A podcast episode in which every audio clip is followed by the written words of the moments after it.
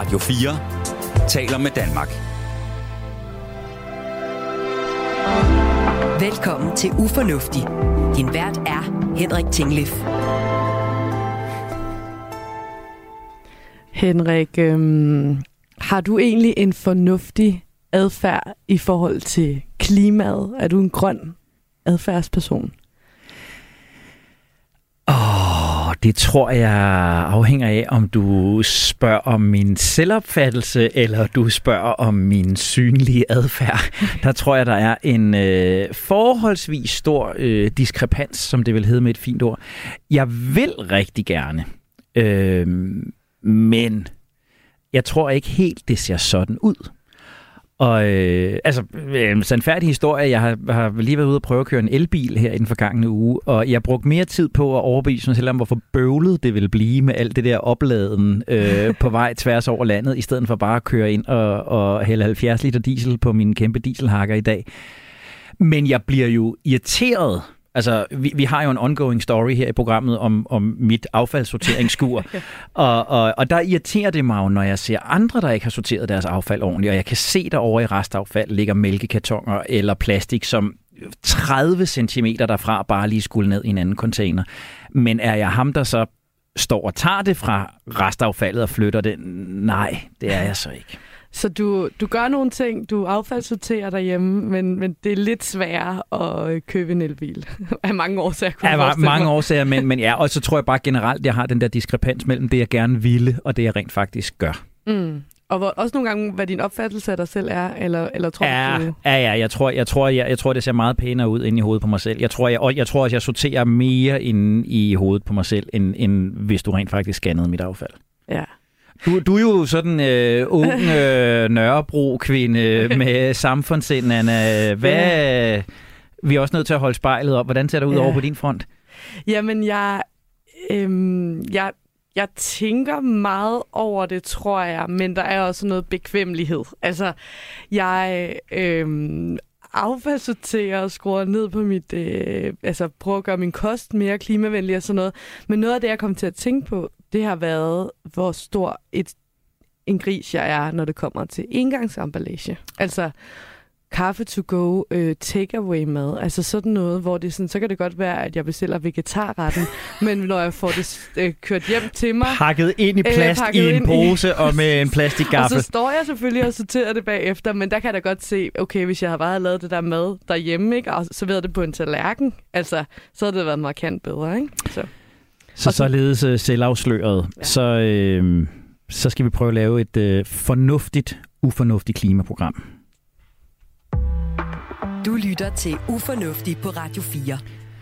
Velkommen til, kære lytter. Lad mig starte med at tegne to scenarier for dig. I det første, der skal vi tilbage til marts måned 1964 i Queens, New York. En ung kvinde af italiensk afstamning, Kitty Genovese, hun blev overfaldet på åben gade. Hun fik nogen 20 knivstik. 37 mennesker overværede overfaldet, drabet, men ingen greb ind. Det andet scenarie, det er mindre dramatisk. Det handler om mig. Jeg sad til et øh, møde forleden. I sådan et øh, cigarkasse-møderum inde på et storrumskontor. Vi sad en 4-5 mennesker derinde, og så gik der en brandalarm i bygningen. Hvad gjorde jeg? Jeg kiggede rundt på de andre inde i lokalet. Så tænkte jeg, gør de noget?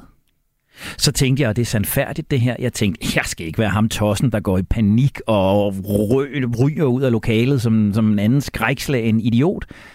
Så tænkte jeg, må ikke der kommer nogen og siger, hvis det her det er rigtigt.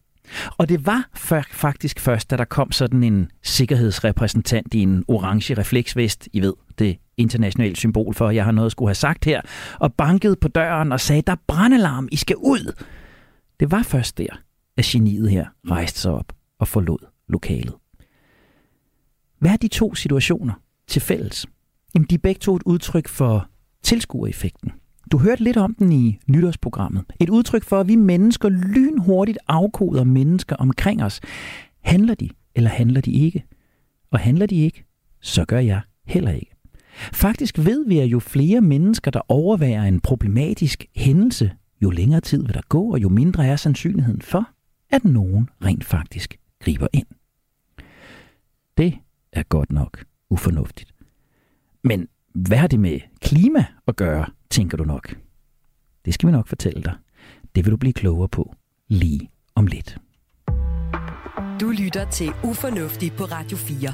Og vi er programmet, hvor vi undrer os over, hvorfor vi kloge, fornuftige mennesker gør så mange dumme, ufornuftige ting.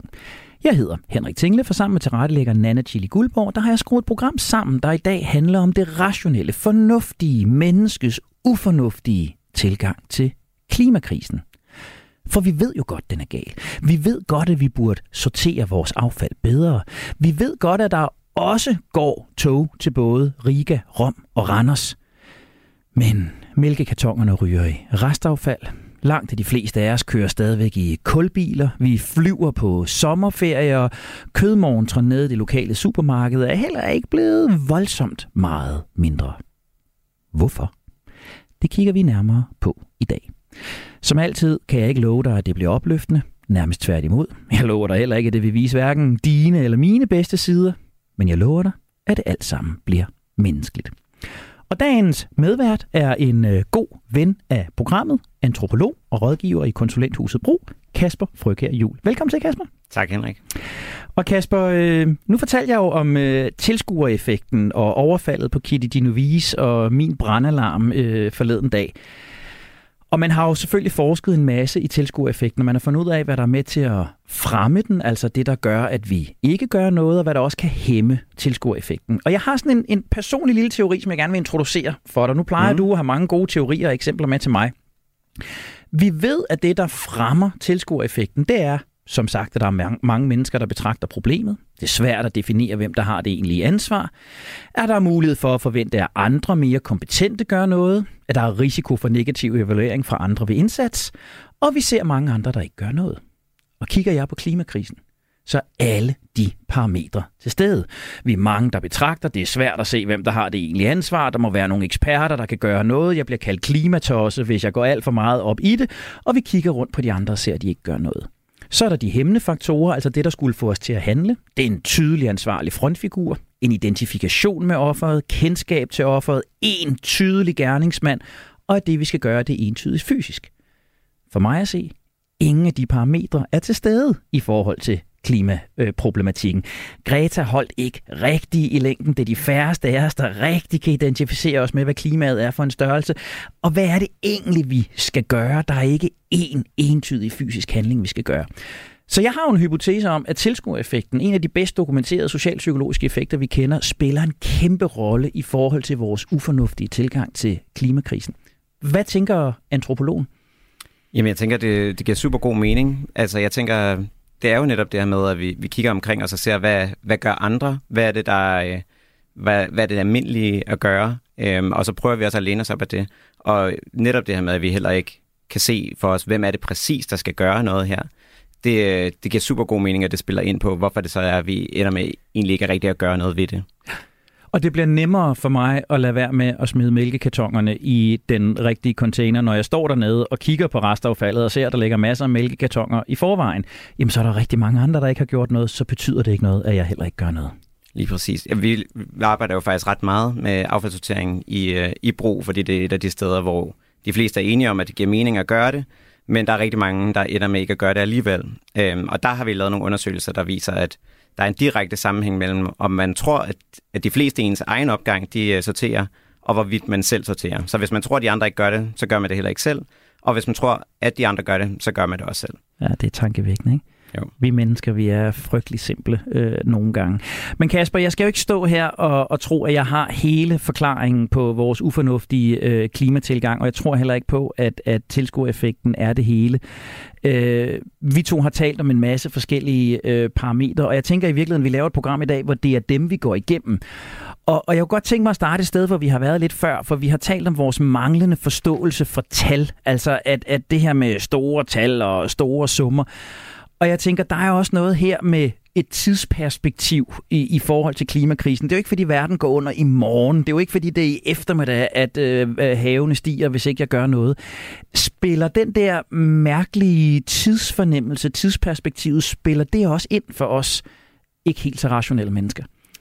Det gør det i, i den grad. Øhm, og det er jo også, ja, man, man bruger det her begreb, der hedder hyperbolsk øh, regnskab, som i virkeligheden betyder, at øh, det lige nu og her, det vurderer vi øh, meget højere end noget, der bare er en lille smule ud i fremtiden. Man har lavet øh, nogle eksperimenter, hvor man har spurgt folk, vil du helst have 100 kroner i, i dag, eller vil du hellere have 110 kroner om en uge? Øh, og der siger langt de fleste, at jeg vil hellere bare have 100 kroner i dag. Jeg behøver ikke at vente en uge med de der 10 kroner ekstra. Men hvis man spørger dem, øh, vil du hellere, helst vente et, et år, og så få øh, 100 kroner, eller vil du vente et år og en uge, og så 110 kroner, jamen så siger næsten alle, ah, så vil jeg hellere bare vente en uge ekstra, altså for de der 10 kroner mere. Ikke? Så der er noget i, at vi, vi overvurderer, øh, hvor meget øh, 100 kroner værd lige nu, men om en uge, så er det ikke lige så meget. Men når vi alligevel er længere ude i fremtiden, så er det hele sådan lidt det samme, og så kan vi lige så godt vente lidt mere. Ikke? Ja. ja. Og, og det, det er så det, der betyder, at de valg, jeg træffer klimamæssigt, der kommer jeg til at fokusere på, hvad effekten er for mig her og nu, enten hvad omkostningen er ved det, eller hvad effekten er for mig her og nu, i forhold til at kunne forholde mig til, hvad der sker ude i fremtiden. Ja, og der er vi også lidt tilbage til, til et af de her øh, principper, som vi har været inde på tidligere med tabsaversionen, at det, som vi skal give afkald lige nu og her, på lige nu og her, øh, det, har vi, det har en rigtig høj værdi, men det, som vi skal, det vi kan opnå i fremtiden ved at give afkald på noget lige nu, det er i virkeligheden måske altså det er jo større, men det virker mindre, fordi det er ude i fremtiden.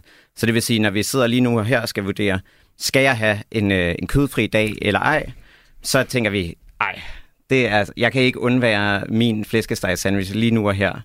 Øh, selvom at det, som man i virkeligheden kunne spares fra, det er jo så oversvømmelser øh, langt ud i fremtiden. Øhm, og det så vi jo også her for, for et par år siden, da regeringen de ville øh, indføre to kødfrie dage til frokost i, øh, i alle statslige institutioner, og det blev lynhurtigt rullet tilbage igen, fordi de fik simpelthen rammeskrig fra alle lønmodtagerorganisationer, der siger, det kan simpelthen ikke passe, I skal ikke tvinge vores medlemmer til at, at skibbe kødet til frokost to gange, gange om ugen. Nej. Ja. Så jeg skal have mine frikadeller nu. Det ja. kan jeg forholde mig til. Og fraværet af frikadeller øh, her og nu, eller flæskesteg sandwich her og nu, det kommer til at overstige konsekvenserne af, af det, der kan ske på, på, på den lange bane. Fuldstændig.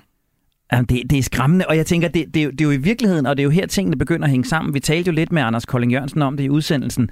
Det her med, at det går nok for mig, hvor vi snakker lidt om cykelhjelme, ikke? At jeg er, jeg er sikker på, at, at det dårlige hår og den mærkelige frisyr, den kommer frem, hvis jeg tager cykelhjelmen på lige nu. Men der er en mindre risiko for, øh, eller jeg har i hvert fald en mindre fornemmelse for risikoen for, at jeg kan blive kørt ned, og det kan få konsekvenser på, på den lange bane. Er det, er det de samme parametre, mm. der, er, der er i spil her? Jamen det er det i virkeligheden fuldstændig. Det, og det er det her med, at vi, når det er ude i fremtiden, så kan alting i virkeligheden ske, og vi har heller ikke helt greb om, hvad det egentlig er for nogle sandsynligheder.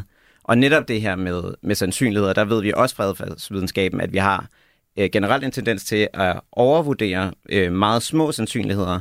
Altså det vil sige øh, sandsynligheden for, at vi måske kommer til at løse hele klimakrisen ved at finde på en eller anden løsning inden for de næste par år, der gør, at vi overhovedet ikke behøver at lave om på noget og så undervurderer vi de meget store sandsynligheder, hvis de er langt ude i fremtiden, så den her meget store sandsynlighed for, at vi kommer til at opleve nogle ret dramatiske ændringer i vores samfund og i, i, på hele jordkloden, dem undervurderer vi så meget, at vi tænker, at det kommer, det kommer sikkert ikke til at ske alligevel.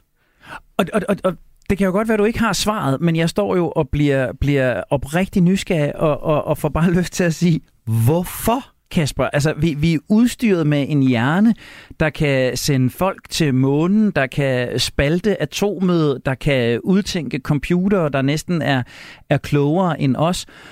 Og alligevel så laver vi så banale fejlslutninger eller så banale misforståelser og fejlopfattelser af verden, at vi har en idé om, at det der magiske brændstof, øh, som får flyvemaskiner til at flyve tusindvis af kilometer på en halv liter, det skal nok komme en gang. Men, men katastrofen og krisen, ah, der er nok ikke så stor sandsynlighed for, at det sker. Altså, hvad er det, der sker i hovedet på os? Jamen det, og jeg tænker, det er jo lidt en blanding af nogle forskellige ting. Jeg tænker også, der er noget i forhold til det her med sådan en bekræftelse i, at Nå, men det vi gør, det, det er sikkert ikke så slemt, eller det kommer nok ikke til at være så slemt for mig, for vi vil gerne tro på den fortælling om, at, at det hele nok skal gå et eller andet sted. Så det bliver også en... Øh, det er en rar fortælling at have for sig selv. Så man er måske også mere tilbøjelig til at acceptere den øh, historie om, at når man, den store sandsynlighed, den er måske ikke så stor. Det kan godt være, at de siger 90 procent, men så er der jo alligevel 10 procent, som, øh, som kunne være et potentielt scenarie. Ikke? Ja. Øhm, så, det, så jeg tænker, det, det har noget med det at gøre, men, men altså, det er, det er underligt. Men det er, og ja, jeg tænker i hvert fald også, at det handler om det her med tal, at vi jo, især med procenter, har sådan har svært ved at forestille os, hvordan det egentlig ser ud i virkeligheden. Ja. Så om det er 10% eller 90%, det kommer måske mere til at virke som 50-50%, når vi sådan, øh, skal gøre det håndgribeligt i vores hoved. Ja. Og der, der som, som gammel psykolog herover kan jeg jo ikke lade være med at stå og tænke på, at, at vi jo altid sådan i psykologien taler om, at menneskets selvopretholdelsesdrift er altid meget stærkere, end man tror. Ikke? At det er de mm. voldsomste ting, vi kan udsætte mennesker for både fysisk, øh, psykisk, øh, praktisk, altså torturoverlever, krigsoverlever, folk, der har været udsat for misbrug og vandrygt, og vi tænker, at selv, selvopretholdelsesdriften er så stærk. Og det ligger måske netop i, jamen er der 80-20 risiko, jamen så fokuserer vi på de 20% sandsynlighed for, mm. at det nok skal gå, og, og vi holder fast i alle de ting, der virker. Men jeg tænker, her kommer selvopretholdelsesdriften jo til at tale os imod, så at sige, mm. ikke? fordi at vi kommer til at træffe nogle valg, som i virkeligheden ikke er med til at, at, at opretholde os, men som i virkeligheden spænder ben for os på den, på den længere bane. Ja, det kan du sige, men i hvert fald lige nu og her er det jo i virkeligheden med til at opretholde os, fordi vi lige nu sikrer, at vi ikke skal give afkald på noget. Vi skal ikke sige nej til at spise den mad, vi er vant til at spise. Vi skal ikke bruge ekstra energi lige nu og her. Så på den måde er vi jo faktisk med til at opretholde os selv lige nu og her. Selvom at der på, på lang sigt i virkeligheden kan være nogle konsekvenser, der gør, at vi ikke overlever. Så vi kører glade og tilfredse med et stort smil lige ud over kanten. Fuldstændig. Du lytter til Ufornuftig på Radio 4. Og Nana, du øh, dykker jo altid øh, ned i øh, kaninhullerne på øh, internettet og finder tal og statistikker og øh, begreber øh, til os. Du har kigget lidt på nogle CO2-tal, ved jeg. Ja, altså I snakker jo meget også om det her med uhåndgribelighed, og hvad er ligesom... Hvad betyder det, at man ikke måske kan se det og mærke det her i nuet, ikke? Og ligesom at... Øh nogen godt kan lide at omregne store pengebeløb til storbæltsbroer, så kan man sige, at øh, måske er jeg blevet sådan en, der godt kan lide at øh, omregne mit CO2-aftryk til agurker. Ja, vel ja. Øh, jeg har i hvert fald fundet øh, nogle omregninger, som jeg jo jeg kunne blive ved og ved og ved. Jeg sad som en inde, øh, det var øh, det her magasin Samvirke, som havde for et par år siden ligesom, hvad er et kilo CO2? Ikke? Og det er jo sådan noget, der bliver brugt i alle artikler om det her, fordi det skal kunne mærkes lidt nede i maven. Men, men øhm, det var fedt at sidde og scrolle, ikke? Og så fandt jeg jo for eksempel ud af, at et kilo CO2, det svarer til tre agurker. Ja. Øh, det svarer også til 83 kartofler. Ja vel, ja. Det svarer til 1 liter letmælk. Det er jo faktisk ikke så meget, tænkte jeg, da jeg læste. Og så svarer det, og den her, den, den, den næv lidt, 6 timer streaming. Og det må jeg sige, det, det går jeg over på en uge. Altså, ja. Vi, øh, de kaster et, et kilo CO2 ud der en, en gang om ugen, ish. Du kan da ikke klare dig med 6 timer streaming, Nej, kan du det? nu må, det kan jeg ikke stå her og udlevere mit privatliv. øhm, og det, der er jo grunden til, at jeg har faldt over det her, det var fordi, jeg ville finde ud af, for selvom at jeg godt ved, at at det er øhm, klimabelastende, at jeg flyver, at jeg sætter et aftryk, at jeg bruger nogle ressourcer, så vil jeg, så, så det ved jeg godt, men, men det er måske også bare sådan noget, man siger sådan, uh, jeg har lidt klimaskam, men hvad betyder det? Ja. Og det jeg så kiggede på, det var, øhm, hvis jeg nu vil en lille tur til Istanbul, ja. en tre timers flyvetur til en lidt varmere himmelstrøg, så det er vil... sådan en gennemsnit. Tre timer, det er så den typiske flyvetur. Ikke? Det kunne også være Paris, det kunne også være Rom. Det er sådan ja. den distance. Ikke? Lige ja. lidt mere sydpå end, end øh, ja, end der er lidt varmere, end der er her. Ikke? Ja.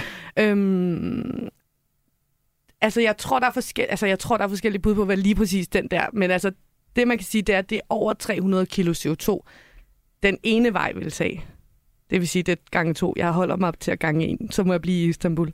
Øhm, og det svarer jo så til 900 agurker. Ja, det er 900 Og det synes jeg bare var sådan et helt vildt tal. Altså 900 agurker, det er jo sindssygt mange agurker. Jeg tror ikke engang en børnefamilie kan klare det på et år. Altså, det er vildt meget.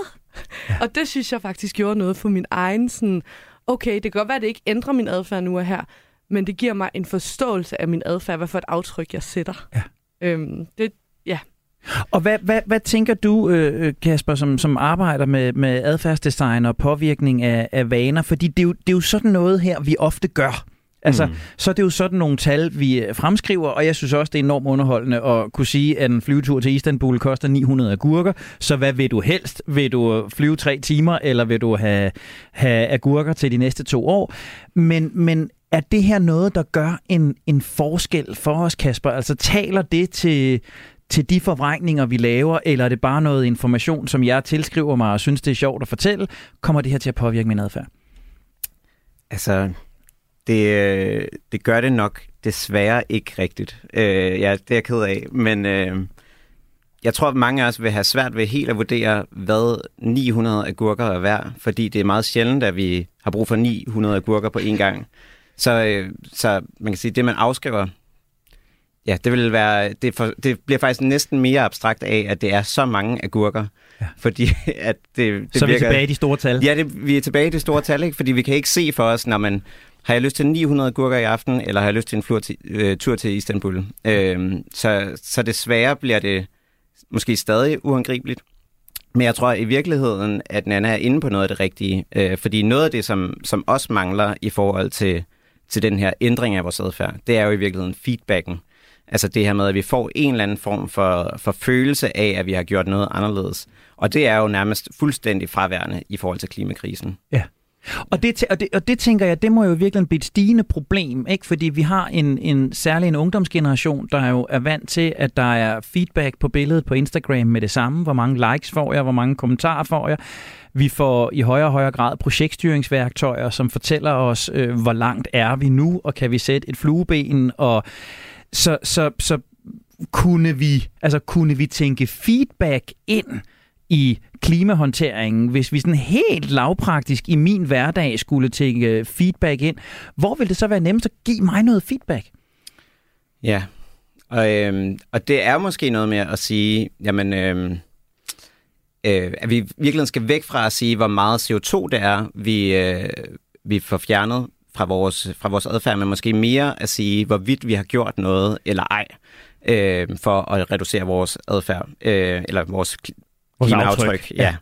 ja. Øh, så vi i virkeligheden får, øh, får lavet nogle regler for os selv, for hvordan kan jeg gøre mindre, hvordan kan jeg udlede mindre, end jeg plejer, og så kan vi se, har jeg gjort det eller ej. Øh, fordi det er noget, som, som vi kan danne en vane omkring. Øh, og det er der, vi i virkeligheden kan, kan rykke noget. Og så kan man sige, er det så vigtigt, om jeg reducerer med, med 10 kilo eller med 20 kilo? I virkeligheden er det måske vigtigt, at vi alle sammen reducerer med et eller andet. Så vi, hvis vi kan sige, har jeg cyklet på arbejde en gang om ugen eller ej? Så kan vi i virkeligheden måle et eller andet sted, har vi, har vi haft et aftryk eller ej. Altså, fordi jeg har jo, jeg har jo en plan. Vi, vi, vi har jo en tilbagevendende sag om mit skraldeskur og affaldssorteringsskur øh, her i, i programmet. Og jeg havde jo sådan en tanke om, at vi skulle have sat billeder op af alle ejendommens beboere nede over øh, hver skraldespand, og så med en lille grøn eller rød øh, lampe, og så noget ansigtsgenkendelse, det ved jeg, det har de udviklet i Kina, så det er lige til at få fat i. Og, og så kunne jeg jo se, Hvem er os, der i denne her uge havde åbnet karton- og plastikcontaineren? Hvem er os, der havde åbnet restaffaldscontaineren? Hvem er os, der havde åbnet glascontaineren? Og, nu, og, og helt oprigtigt, ja. Kasper, vil det have en effekt, at jeg kunne gå ned og se på dashboardet, hvilke container jeg havde været i? Jamen altså, øh, jeg havde måske ikke helt tænkt i den retning, og jeg kan godt se, at øh, hvis vi er derude, så vil det faktisk måske have en effekt. Så har vi jo i virkeligheden en, øh, en udskamningstilgang, hvor vi, vi kan se, vi udstiller dem, som, som ikke gør det, de skal, og, øh, og så kan vi ligesom og så kan vi måske også indføre en form for bøde, at de øh, simpelthen bliver straffet, når det er. Øh, Trukket i dagpenge? Ja, eller, ja. præcis. At vi får en, øh, en direkte effekt, hver gang at man smider plastik i, øh, i rest. Det, øh, det kunne jeg godt se for mig, ja. Jamen altså, I ringer bare fra Miljøministeriet. Jeg har flere øh, gode idéer. Og vi kan jo stå og grine af det her, og selvfølgelig er det et uh, samfundsovervågning, som vi aldrig nogen skal i, nogensinde skal i retning af. Men, men det er jo bare for at tage feedbacken til det ekstreme. Hvis jeg får en lille ren forsering, hvis jeg får en lille bekræftelse, når jeg bruger den rigtige skraldespand, så kunne det på den ene eller den anden måde have en effekt. Det, det ville det nok, ja. Jamen, øh, jeg synes da, at vi begynder at nærme os nogle lidt mere fornuftige tilgange. Vi skal snakke meget mere om øh, fornuftigt klima lige om lidt. Radio 4 taler med Danmark. Velkommen til Ufornuftig. Din vært er Henrik Tinglef. Hvorfor kan vi rationelle, intelligente, fornuftige mennesker ikke ændre adfærd og få løst klimakrisen? Vi har den rationelle viden. Vi ved, hvor mange agurker, der går på en flyvetur til Istanbul. Vi har skrækscenariet, som burde være stærkt motiverende. Havene stiger, temperaturerne ændrer sig, der er oversvømmelser i hver en dansk provinsby. Og alligevel, så lader vi bare den bravende ufornuft stå til. Hvorfor? Det forsøger vi i dag at besvare sammen med dagens medvært, antropolog og rådgiver i konsulenthuset Bro, Kasper Frøkær Jul. Og som altid, så skal du huske, at hvis der er noget, du går og undrer dig over, at vi kloge mennesker gør af ufornuftige ting eller handlinger, så skriv endelig til redaktionen på ufornuftig radio4.dk. Og Kasper, nu øh, var jeg jo øh, inde med en øh, ret øh, drastisk øh, idé lidt øh, tidligere, og øh, det kan godt være, at det ikke er helt så langt, vi, øh, vi skal gå. Men jeg tænkte på, da, da jeg vidste, at du skulle i studiet i dag, at vi har sådan en kendt psykologisk begreb, der hedder nærhedsprincippet. Mm. Øhm, at det vi ser meget af i hverdagen, det er også det, vi tror, der er dominerende. Folk, der bor i områder med mange mennesker af anden etnisk oprindelse, de tror også, at mennesker med anden etnisk oprindelse, de udgør en større del af befolkningen, end den i virkeligheden gør. Folk, der øh, læser den sensationsprægede presse om vold og kriminalitet, har tendens til at overvurdere, hvor høj kriminalitetsraten egentlig er i landet. Og jeg, som går ned i mit skraldeskur og ser, hvordan affaldssorteringen foregår der, jeg får nogle idéer om, at det er sådan, det foregår alle andre vegne. Og jeg tænker lidt på, nu var vi inde på, på Kina øh, før, ikke? Altså, så presset er vi jo ikke i Danmark. Det er jo ikke fordi, at vi som nation er troet af klimakrisen lige om lidt. Kommer nærhedsprincippet til at spænde ben for os på, på den måde? Altså, jamen, er det ikke bare noget, der sker på Seychellerne? Er det ikke noget, der sker ude i den store verden? Det sker vel ikke lige her? Det er, altså, det tror jeg helt klart spiller en, øh, en kæmpe rolle. Altså det er jo, det bliver noget, hvor vi kigger rundt omkring os og siger, når man, der er jo i virkeligheden ikke noget her, der tyder på nogle, nogle direkte konsekvenser. Det kan godt være, at vi så rent abstrakt kan måle i statistikker, der bliver lidt varmere eller der bliver lidt koldere, øh, men vi kan ikke mærke det på, på vores hverdag. Øh, der er ikke noget, der ændrer sig på den måde. Øh, og der har vi, i forhold til nærhedsprincippet, der har man øh, den her teori om, at når, vi, øh, når noget sker langt fra os, både øh, sådan rent geografisk, at noget sker på øh, altså en afstand, der er langt væk, men også hvis det er sådan rent psykologisk er langt fra os, hvis det sker for nogen, som, som vi ikke identificerer os selv som, øh, så opfatter vi i virkeligheden de her konsekvenser som noget, der er tæt på hypotetisk, eller i hvert fald meget abstrakt. Så det vil sige, når vi for eksempel hører om de her skovbrænde i USA og Australien, øh, eller hører om oversvømmelser i for eksempel Kina eller Bangladesh, så tænker vi, okay, det er godt nok forfærdeligt. Men den sådan, effekt, som det faktisk har på vores, vores fornemmelse af, hvorvidt vi bør gøre noget anderledes, det er mere i retning af, hvis vi fik at vide, at det var et hypotetisk fremtidsscenarie. Så det er simpelthen ikke noget, der, der motiverer os i tilstrækkelig grad. Hvad med ligheden? Fordi jeg var jo lidt inde mm. på det i tilskuereffekten, det her med, at vi griber ind, hvis folk ligner os. Og med risiko for at, at, at sige noget øh, øh, politisk ukorrekt, nu har jeg foreslået ansigtsgenkendelse i skralderummet, så jeg kan vel næsten ikke gå længere ud af, af linjen end som så. Men, men når vi ser de her oversvømmelser, øh, når vi ser hedebølger, der raser, så ser vi jo også en gruppe mennesker, som ligger rigtig langt fra den gennemsnitlige dansker. Vi ser mennesker, der lever et langt fattigere liv, et langt mindre materialistisk liv, et langt mere øh, øh, landligt øh, liv, end mange af os gør. Vil det have betydning for os, hvis vi så borgere i Hamburg, der ligner os, eller vi så øh, tingene ramme øh, byer i USA, der lignede os, eller byer i Østen, der nærmere lignede os? Altså, er der noget slagside i, at, at det typisk er måske den lavere stillede del af verdens befolkning, der bliver, berørt, bliver, bliver berørt i øjeblikket? Det er det desværre. At det er, der, der kan vi bare se, at man er mere motiveret for at hjælpe folk, der, der ligner en, øh, både kulturelt og sådan rent af udseende i virkeligheden. Så, så der er en, en direkte sammenhæng mellem, og det kan vi også se, når i forhold til øh, donationer til velgørende formål, at der kan vi se, at øh, sådan noget som øh, knæk cancer, det får langt flere øh, donationer end øh, donationer til børn i Afrika. Fordi vi alle sammen kender en, der har cancer. Ja, præcis. Og det er meget tættere på os, og det er jo også en vigtig sag, det er slet ikke det. Men der er bare øh, netop det her nærhedsprincip, som gør, at vi, vi vil gerne hjælpe nogen, som, som er tættere på os, og vi kan også i højere grad se det for, for os, at det kunne ske for, for os. Vi kunne nemt være i den situation. Så hvis det var oversvømmelser i Sverige, så vil vi nok også ret hurtigt sige, okay, der er ikke lang tid før det så også er i Danmark. Det skal vi have gjort noget ved lige nu. Og det er også derfor, at, at noget af det første sådan større, jeg begynder at gøre, det er, at jeg begynder at kigge på en elbil. Fordi det gør man. Det, det er mm. folk med mit job og folk i min øh, økonomiske rækkevidde, eller hvad man skal nu skal sige, dem jeg normalt sammenligner mig med, der begynder man nu at gå i den retning så er det det, jeg forsøger at gøre noget ved, fordi der er både noget, der er tæt på, der er noget, jeg kan identificere mig med, og så bliver det langt mere nært for mig, end at begynde at omlægge mine spisevaner, øh, mm. eller hvad det nu kunne være. Ja, det virker meget sandsynligt, at det, ja, at det spiller ind i hvert fald. Ikke? At det er, at, og vi kan også se, at det lykkes for dem, der minder os om, om os selv. At vi kan se, at de kan i hvert fald godt gøre det. Øh, hvis man ser mange omkring sig, der, der bliver vegetarer, så kan man også nemmere se det for sig, at om den, den øh, omstilling kan jeg også nemt foretage, fordi det er i hvert fald lykkedes for dem, der minder om mig. Ja. Så, så vi skulle jo i virkeligheden, skulle vi jo i langt højere grad øh, øh, altså udnytte menneskets flokmentalitet og iværksætte nogle af de her ting. Så skulle vi på hele Villavejen blive enige om, at øh, nu øh, spiser vi mere vegetarisk, eller nu sorterer vi vores affald på en anden måde. Altså der skal opbygges et fællesskab omkring mm. det. Vil, vil det gøre forskel? Det ville nok gøre en forskel, ja. Også fordi vi ville kunne holde hinanden op på, at det var det, vi skulle gøre. Vi ville også forpligte os til det i højere grad. Så vi vil i virkeligheden også øh, spille på den her kognitive dissonans, at vi ville allerede have forpligtet os til, at det her, det er, nu er vi enige om, at det er sådan her, vi er i vores samfund, i vores lille community i, på Villavejen, så kan vi heller ikke bare gå ud og, og bryde med den, fordi så har vi i virkeligheden udstillet os selv som hyklere, og det er man jo ikke øh, det, ja, man kan sige, det har man ikke lyst til. Nej.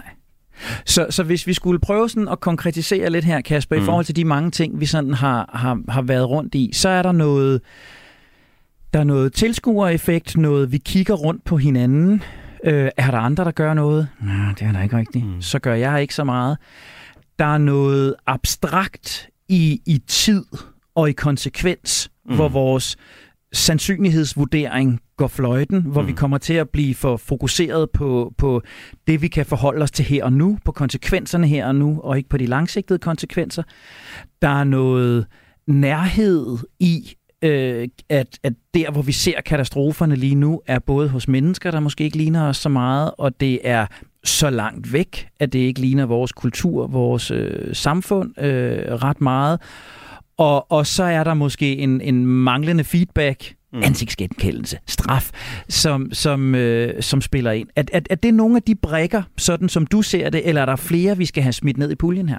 Jamen i virkeligheden måske lidt den her kognitive dissonans, som jeg lige fik nævnt. Øh, fordi der er jo også den omvendte side af det, som er, er den her frygt for at komme til at, at virke som en hyggelig. At vi kan godt være bange for, at vi i virkeligheden slår for stort et brød op, og vi kommer til at sige, når man øh, fra fra nu af, så vil jeg gerne øh, affaldssortere det hele. Øh, og hvis der så er nogen, der, øh, der begynder at identificere os som, øh, som hellige, eller nogen, der går meget op i miljøet, så bliver vi også bange for et eller andet sted at blive afsløret i at gøre noget, som ikke er miljøvenligt. Så vi vil gerne have, at, at vores selvbillede i virkeligheden stemmer overens med vores, med vores handlinger. Så vi bliver bange for for eksempel at tage, tage en flyrejse, som koster 300 agurker, 900, øh, 900 agurker i, i CO2-aftryk. Øhm, fordi vi så et eller andet sted vil, vil føle, at vi ikke havde gjort, hvad vi havde sagt, vi ville gøre. Øh, og så i stedet, så siger vi, så kan det bare være, så kan det være lige meget, så kan jeg lige så godt bare sige, at det er slet ikke noget, jeg skal bekymre mig om. Ja, ja fordi det der jo også, fordi jeg vil sige, det der sker også for mig i forhold til kognitiv dissonans, altså den her forskel mellem det, jeg mener og det, jeg gør, det er ubehageligt at være i, så justerer man. Og jeg oplever også der, at jeg har tendensen til at så blive lidt selvforherligende, og så tale det, jeg gør, op. Mm. Altså, så, så hvis jeg har billedet af, øh, og det var jo virkelig det, jeg, jeg afslørede for Nana indledningsvis, ikke? At, at jeg godt kan have billedet af, om jeg vil gerne være klimabevidst, jeg vil gerne gøre nogle ting, så kigger jeg på min adfærd, ah, den lever måske ikke helt op til det, men så får jeg på en eller anden måde alligevel fortalt mig, ah, men jeg er i hvert fald bedre til at affaldssortere end gennemsnittet. Mm. Ikke? Altså, jeg, jeg, jeg er i hvert fald mere grundig, end de andre er i ejendommen, og jeg, jeg er også blevet bedre til at tage cyklen, når jeg skal øh, kortere afstand, og så får mm. jeg faktisk talt det op, som jeg gør. Ja. Er jeg alene om det, eller... eller... Øh, nej, det er du helt sikkert ikke. Altså, vi vil jo helt klart gerne have den her fortælling, der, der passer sammen, at vi, at vi gerne sætter fokus på alle de ting, vi gør, som er de rigtige.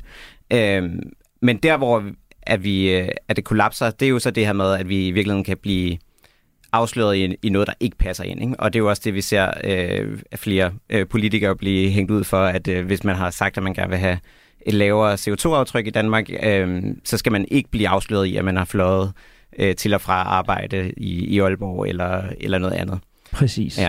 Men vi reagerer så med, i stedet for at justere adfærden, så holder vi op med at sige, mm. at, at vi ikke skal flyve mellem Aalborg og København, for det vil vi gerne kunne gøre en gang imellem, og så toner vi profilen ned. Præcis, ja, så, så lader vi være med at forpligte os til den adfærd i virkeligheden. Og så er det, vi ved fra adfærdsvidenskaben, at hvis vi ikke forpligter os til den adfærd, som vi godt kunne tænke os, jamen, så bliver det virkelig nemt at droppe den, så snart det bliver en lille smule besværligt. Og vi ved det her med, altså, at når vi skal affaldssortere, så skal vi jo i gang med at gøre noget meget konkret. Vi skal til at lave om i vores køkken, og få, øh, vi skal måske ordentligt ud i IKEA en lørdag, hvor der er fyldt med mennesker, og skaffe nye spande, og vi skal til at gå ned med mange flere poser, når vi skal ned i affaldsrummet, og vi skal øh, også udstå de her bananfluer, der kommer om sommeren, hvis vi er yes. lidt for langsomme til at skifte posen, og måske drypper det også på gulvet, øh, hvis posen den begynder at lægge. Og sådan. Der er virkelig mange ting, som vi skal finde os i. Så hvis vi ikke har sagt til nogen, at vi har tænkt os at gøre det, så bliver det lige pludselig ret nemt bare at sige, ah, det kan jo også bare ryge ned i restaffald. Den kender jeg godt. Radio 4 taler med Danmark. Nu har jeg jo snart været rimelig øh, selvafslørende, øh, Nana, mm-hmm. og øh, vores gode ven, antropolog og rådgiver i konsulenthuset Bro, Kasper Frøkær Jul, der er med os i dag, har jo understøttet, at øh, jeg er fuldstændig lige så ufornuftig som så mange andre. Men du har jo rent faktisk kigget lidt på så mange andre, og har lidt... Øh, lidt tal på, øh, eller begreber på, hvordan sådan den gennemsnitlige dansker navigerer. Kan du ikke give os et, et billede i sådan øh, den gennemsnitlige danskers øh, klimaadfærd, inden Kasper får mulighed for at give os lidt løsninger? Jo, altså uden at love, at jeg kan tegne sådan et meget tydeligt billede af den gennemsnitlige dansker, så, så lige lidt i forhold til det, I lige talte om, altså det der med at sætte barn lavt, så, så tænker jeg, at når man bliver ringet op af en eller anden, der vil lave en undersøgelse med en, så kan det jo godt være, at man der tør at sætte barn lidt højt, fordi den person kommer jo ikke ind og banker på en større og spørger, øh, hvordan gik det med ikke at flyve næste år. Øh, det tror jeg i hvert fald, måske der er nogen i denne her undersøgelse, jeg har fundet, der måske har overvurderet deres eget øh, behovsudsættende gen lidt. Øhm, der er nemlig en undersøgelse fra øh, øh, Ida, som som i 2021 øh, viste, at en ud af tre af dem, de havde spurgt, øh, de øh, de mente, at coronapandemien havde gjort, at de ville flyve mindre, end de havde gjort før. Altså øh, årene op til corona, der virkelig havde været sådan nogle rekordflyveår, ikke? Øh, hvilket også er lidt paradoxalt, efter vi snakkede om at have et klimavalg i 2019 og sådan noget. Ikke? Øhm, det er så det, den undersøgelse viste for et par år siden. Så stoppede coronapandemien på mange måder, har vi i hvert fald i perioder haft en, en klar følelse af. Og øhm, så fik DR Danmarks Statistik til at lave nogle tal, øhm, som man kan sige, man kan ikke sammenligne dem direkte, men, men de tal, de viste, at en almindelig, såkaldt almindelig dansk familie, de, de sidste år øh, brugte øh, 1700 kroner på flyrejser og øh, 4200 kroner på pakkerejser, hvor jeg også tænker nogle gange, at det vil også i en, hvor der er et fly og ret sandsynligt et fly med i den. Ja. Det kan godt være, der er nogle af dem, der er krydstogt i Tyskland og sådan noget, men der er nok også nogle fly. Så jeg tænker, det passer med, at, at det sådan er en, et par flyveture om året, halvanden flyvetur om året eller sådan, ikke? Og så tænkte jeg, okay, men hvor mange fløj så i de der rekordår? Og det er jo sådan noget øh, lidt svært at, at sådan pege direkte. Øh, han fløj to gange. Øhm, men som sagt var det ligesom nogle rekordår, de der øh, 2018 især også 2019. Og der kan man så for eksempel se, at fra Københavns Lufthavn, der var der over 12 millioner afgange, altså uden transit. Ja. Altså så uden de her mellemlandingspassagerer. Og det er altså Københavns Lufthavn alene. Ikke? Der får man i hvert fald to flyveture hver, hvis man kun er dansker. Plus det løse. Plus ja. det løse. Ikke? Ja. Øhm, så det er vores flyveadfærd, og jeg er meget spændt på at se, om så det ligesom Altså, om det overhovedet har ændret noget, eller om vi bare har sat barn anderledes. Altså, det kan jo også godt være, at det bare er new normal, ikke? At ja. man flyver to gange om året, plus det løse. Øhm, så er der jo vores affald, og oh. vi er jo herhjemme i Danmark EU-mestre i affald. Ja. Øhm, vi producerer næsten 850 kilo affald om året per indbygger. Boom. Altså, igen lidt store tal, ikke Kasper? Du står sikkert og tænker, det fatter man ikke en skid af, men jeg synes, det lyder sindssygt meget. Altså, Om det er 10 gange kropsvægten af en, af en, af en voksen mand, ikke? Nå, altså, hvor mange storvældsbror? Ja, hvor mange storvældsbror, men det 10, øhm, 10 velvoksne mænd, det er alligevel en, en chat. Ja, ja, og vi er vi er jo kun oppe, altså selvom der er mange politiske mål og ønsker om, at vi affaldssorterer, så er vi kun lige oppe og kysse de 50 procent af affaldet, som vi får sorteret. Ikke? Ja. Så og så er der jo vores mad, og jeg tror også, der er mange, der de her år øh, synes, at de er begyndt at skære ned fra kød. Måske er nogen blevet vegetar, men man kan også se, at salget af de her øh, kødalternativer, øh, bøffer, der er lavet af ærteprotein og sådan noget, er steget. Øhm, men vi er altså stadig blandt dem i verden og i EU, der spiser allermest kød. Ja. Øh, ifølge, ifølge Concito, den her grønne tænketank, mm. der udleder vi hver især i gennemsnit 3 ton CO2 årligt gennem det, vi spiser og drikker. Og det synes jeg også lyder helt vildt meget. Altså uden jo igen, nu har jeg ikke lige fået det omregnet til at kunne kurker. Nej. Beklager. Men, men de, de peger også, Concito der, de plejer altså, peger også på, at, at heller ikke, altså, at vi ikke har ikke skruet særlig meget ned de sidste par år, selvom jeg tror, der er en fortælling om det. Og det, det synes jeg bare er meget interessant. Øhm, så hvad kan man sige? Gennemsnitsdanskeren håber, måske lidt ligesom dig, Henrik, at vi er bedre, end vi nogle gange er. Og vi kan jo ikke få bedre øh, oplæg, øh, Kasper, til at, at tale, hvad gør vi så mm. herfra? Fordi jeg tænker jo, at, at vi skal jo et eller andet sted krabbe os hen imod øh, nogle løsninger. Og jeg, jeg kunne godt tænke mig at tage den sådan lidt i to bidder. Ja. Fordi jeg ved, i har jo gang i nogle spændende ting mm. hos jer øh, i forhold til at ændre adfærd, så, så ikke vi, vi, vi går her og kun tænker på det korte perspektiv, øh, øh, men, men, men træffer beslutningerne anderledes. Så kan du ikke give os øh, et eksempel eller to på, hvad, hvad er det, I har i gang? Hvad er det, I undersøger? Hvad er det, I prøver at, mm. at påvirke i øjeblikket? Ja. Men altså i virkeligheden så, øh, i forhold til det her med, med affaldssortering, den kan vi i hvert fald starte med, øh, og det er noget, vi arbejder meget med. Der prøver vi at se på, hvordan kan vi i virkeligheden gøre den adfærd, vi godt kunne tænke os, altså at sortere affald, så nem og, øh, og knidningsfri, at det i virkeligheden ikke opleves som en særlig stor konsekvens nu og her, så vi på længere sigt ikke vil måle den som værre, end hvad vi skal, altså ja, hvad vi opnår i fremtiden.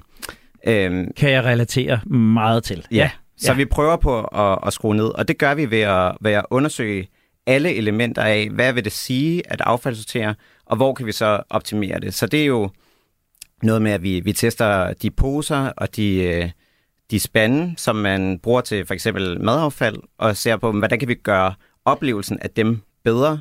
Hvordan kan vi gøre det nemt at indrette sit køkken, så man har plads til det hele? Hvordan kan vi gøre det nemt at anskaffe nye bioposer, for eksempel?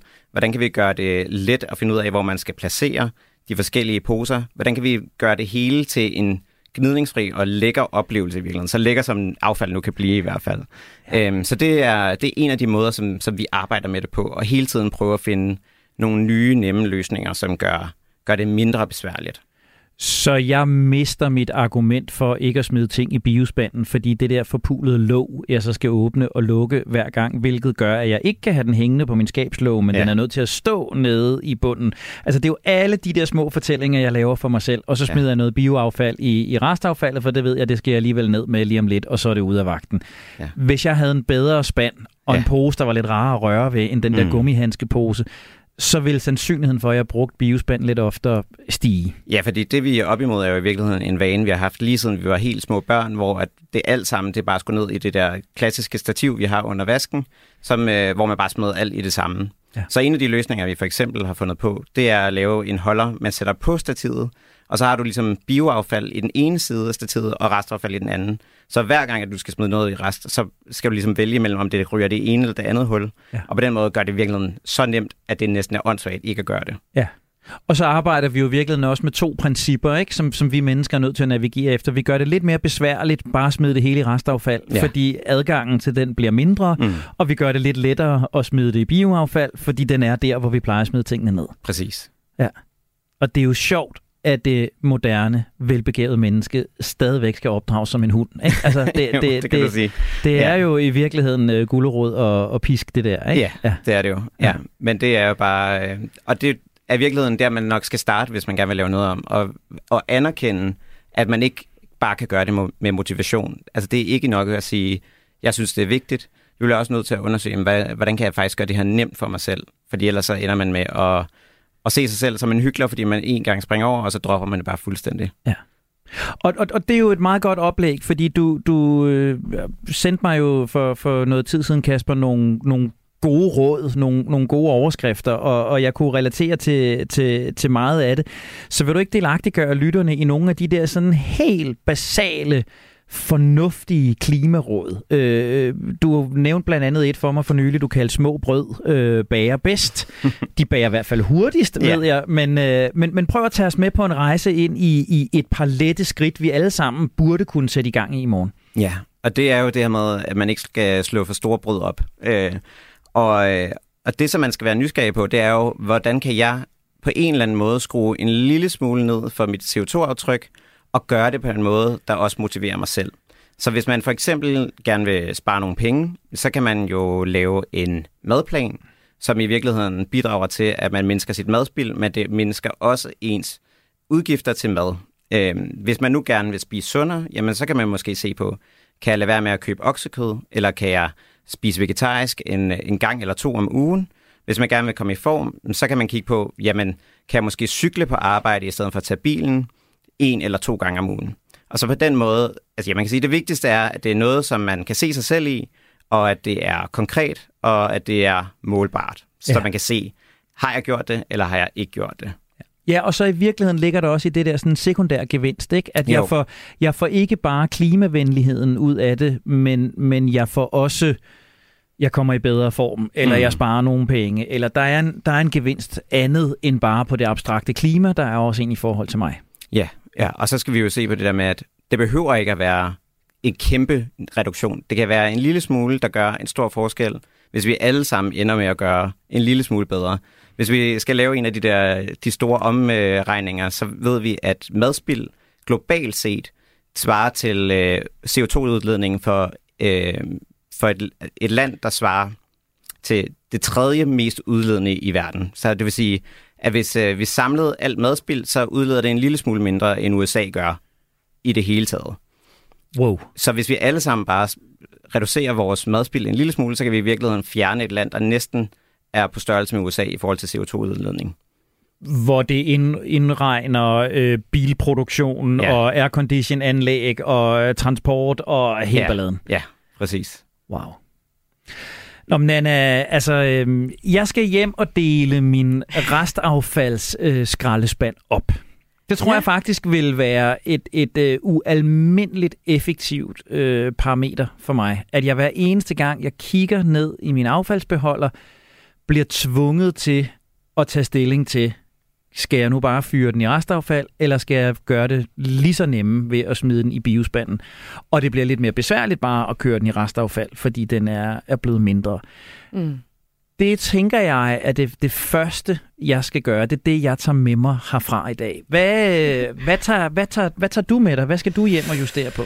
Øhm, jeg tror, at jeg skal tænke, at, øhm, og vi har jo faktisk talt lidt om det, men at hvis ikke jeg kan øh, få kaffe eller mad i en øh, genanvendelig, øh, i et genanvendeligt alternativ, så må jeg sætte mig og spise det eller drikke det der, hvor jeg er, så øh, det er altså jeg ikke bruger al den her engangsemballage til mad og drikkevarer, som man jo bare kunne drikke en kop og vaske den op igen. Ikke? Så jeg vil være bedre og mere opmærksom på det, så jeg ikke ligesom bare er sådan, at, om det kan jeg bare lige tage takeaway. Være sådan, hmm. Jeg og, tror, ja. og hvad er din sekundære gevinst så ved det? Hvad er det, der skal motivere dig som menneske? ved det er jo nok ikke at bruge så mange penge på takeaway mad, ikke? Der var den. Så der var den. Så øh, det, det er jo også en win, men øh, ja, at tænke over det der med. Men egentlig også måske at tænke lidt over, hvorfor man har brug for den der sekundære. Ikke? Så det er sådan, måske også finde ro i nogle af mine vaner, ved at det bare er godt for noget, jeg ikke kan mærke. Antropolog og rådgiver i konsulenthuset Bro, Kasper Frøkær Jul. Tak fordi du igen var med og gør også øh, ufornuftige mennesker en lille smule fornuftige. Og som du kan høre, så har vi jo taget øh, noget med os i dag. Det er jeg virkelig glad for at høre. Og dermed der er vi nået til der, hvor vi siger, at vi mennesker vi er fantastiske og forunderlige. Vi er også for urolige og farfulde, og dagens emne har jo bare endnu en gang vist en lille fli af ufornuftens væsen.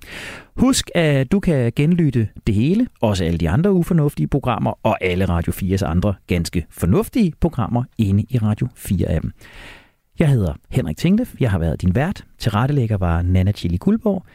Husk, at du altid er velkommen til at skrive direkte til os på ufornuftig radio4.dk. Den sekundære gevinst er, at så kan det være, at du en dag får Nana i røret, der taler med dig om, hvad vi skal tale om her i programmet. Tak for din tid. Tak for din opmærksomhed. Blev vi sammen klogere? Ja, måske.